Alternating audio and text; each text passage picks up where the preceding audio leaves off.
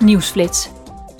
Gisteren maakten de leden van het Europees Parlement de balans op van de Russische aanvalsoorlog tegen Oekraïne, één jaar na het begin van de invasie. Ursula von der Leyen, voorzitter van de Europese Commissie, en Josep Borrell, de diplomatieke chef van de EU, waren aanwezig bij de plenaire vergadering in Straatsburg. Von der Leyen ging in op alle maatregelen die Europa heeft genomen om Oekraïne te steunen. Ze zei daarbij het volgende. We have focused on three main goals. First, we hebben ons gericht op drie hoofddoelstellingen. Ten eerste onvoorwaardelijke steun verlenen aan het verzet van Oekraïne tegen de agressor. Ten tweede de Russische oorlogsmachine tot stilstand brengen. En ten derde samen bouwen aan de Europese toekomst van Oekraïne. Deze drie actiepunten stonden het afgelopen jaar centraal en zullen ook de komende maanden leidend zijn.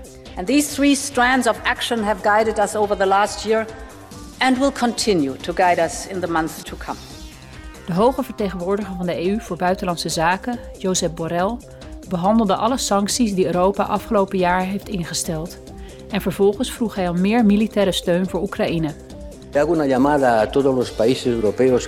Alle Europese landen met moderne en doeltreffende tanks die nu stof aan het vangen zijn in kazernes omdat ze niet worden gebruikt, verzoek ik deze tanks beschikbaar te stellen aan Oekraïne.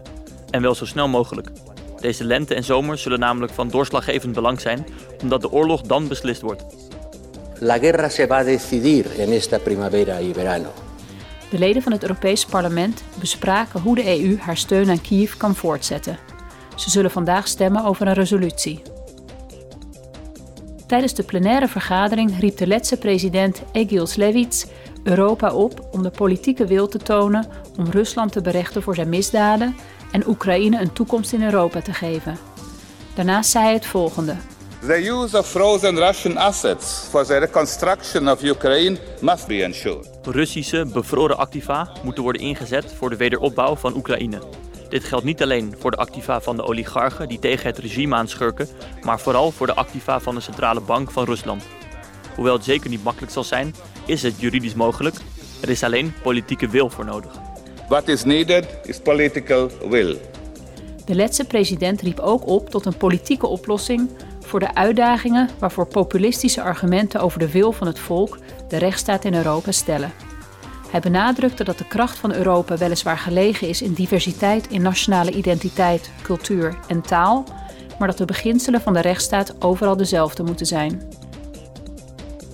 Tijdens de plenaire vergadering schaarden de leden van het Europees Parlement zich achter voorstellen om het makkelijker te maken voor Europese burgers die in een andere lidstaat wonen om te stemmen of zich kandidaat te stellen bij Europese en gemeenteraadsverkiezingen.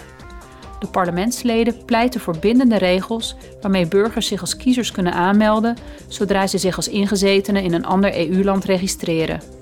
Ongeveer 11 miljoen EU-burgers in de kiesgerechtigde leeftijd wonen in een andere lidstaat.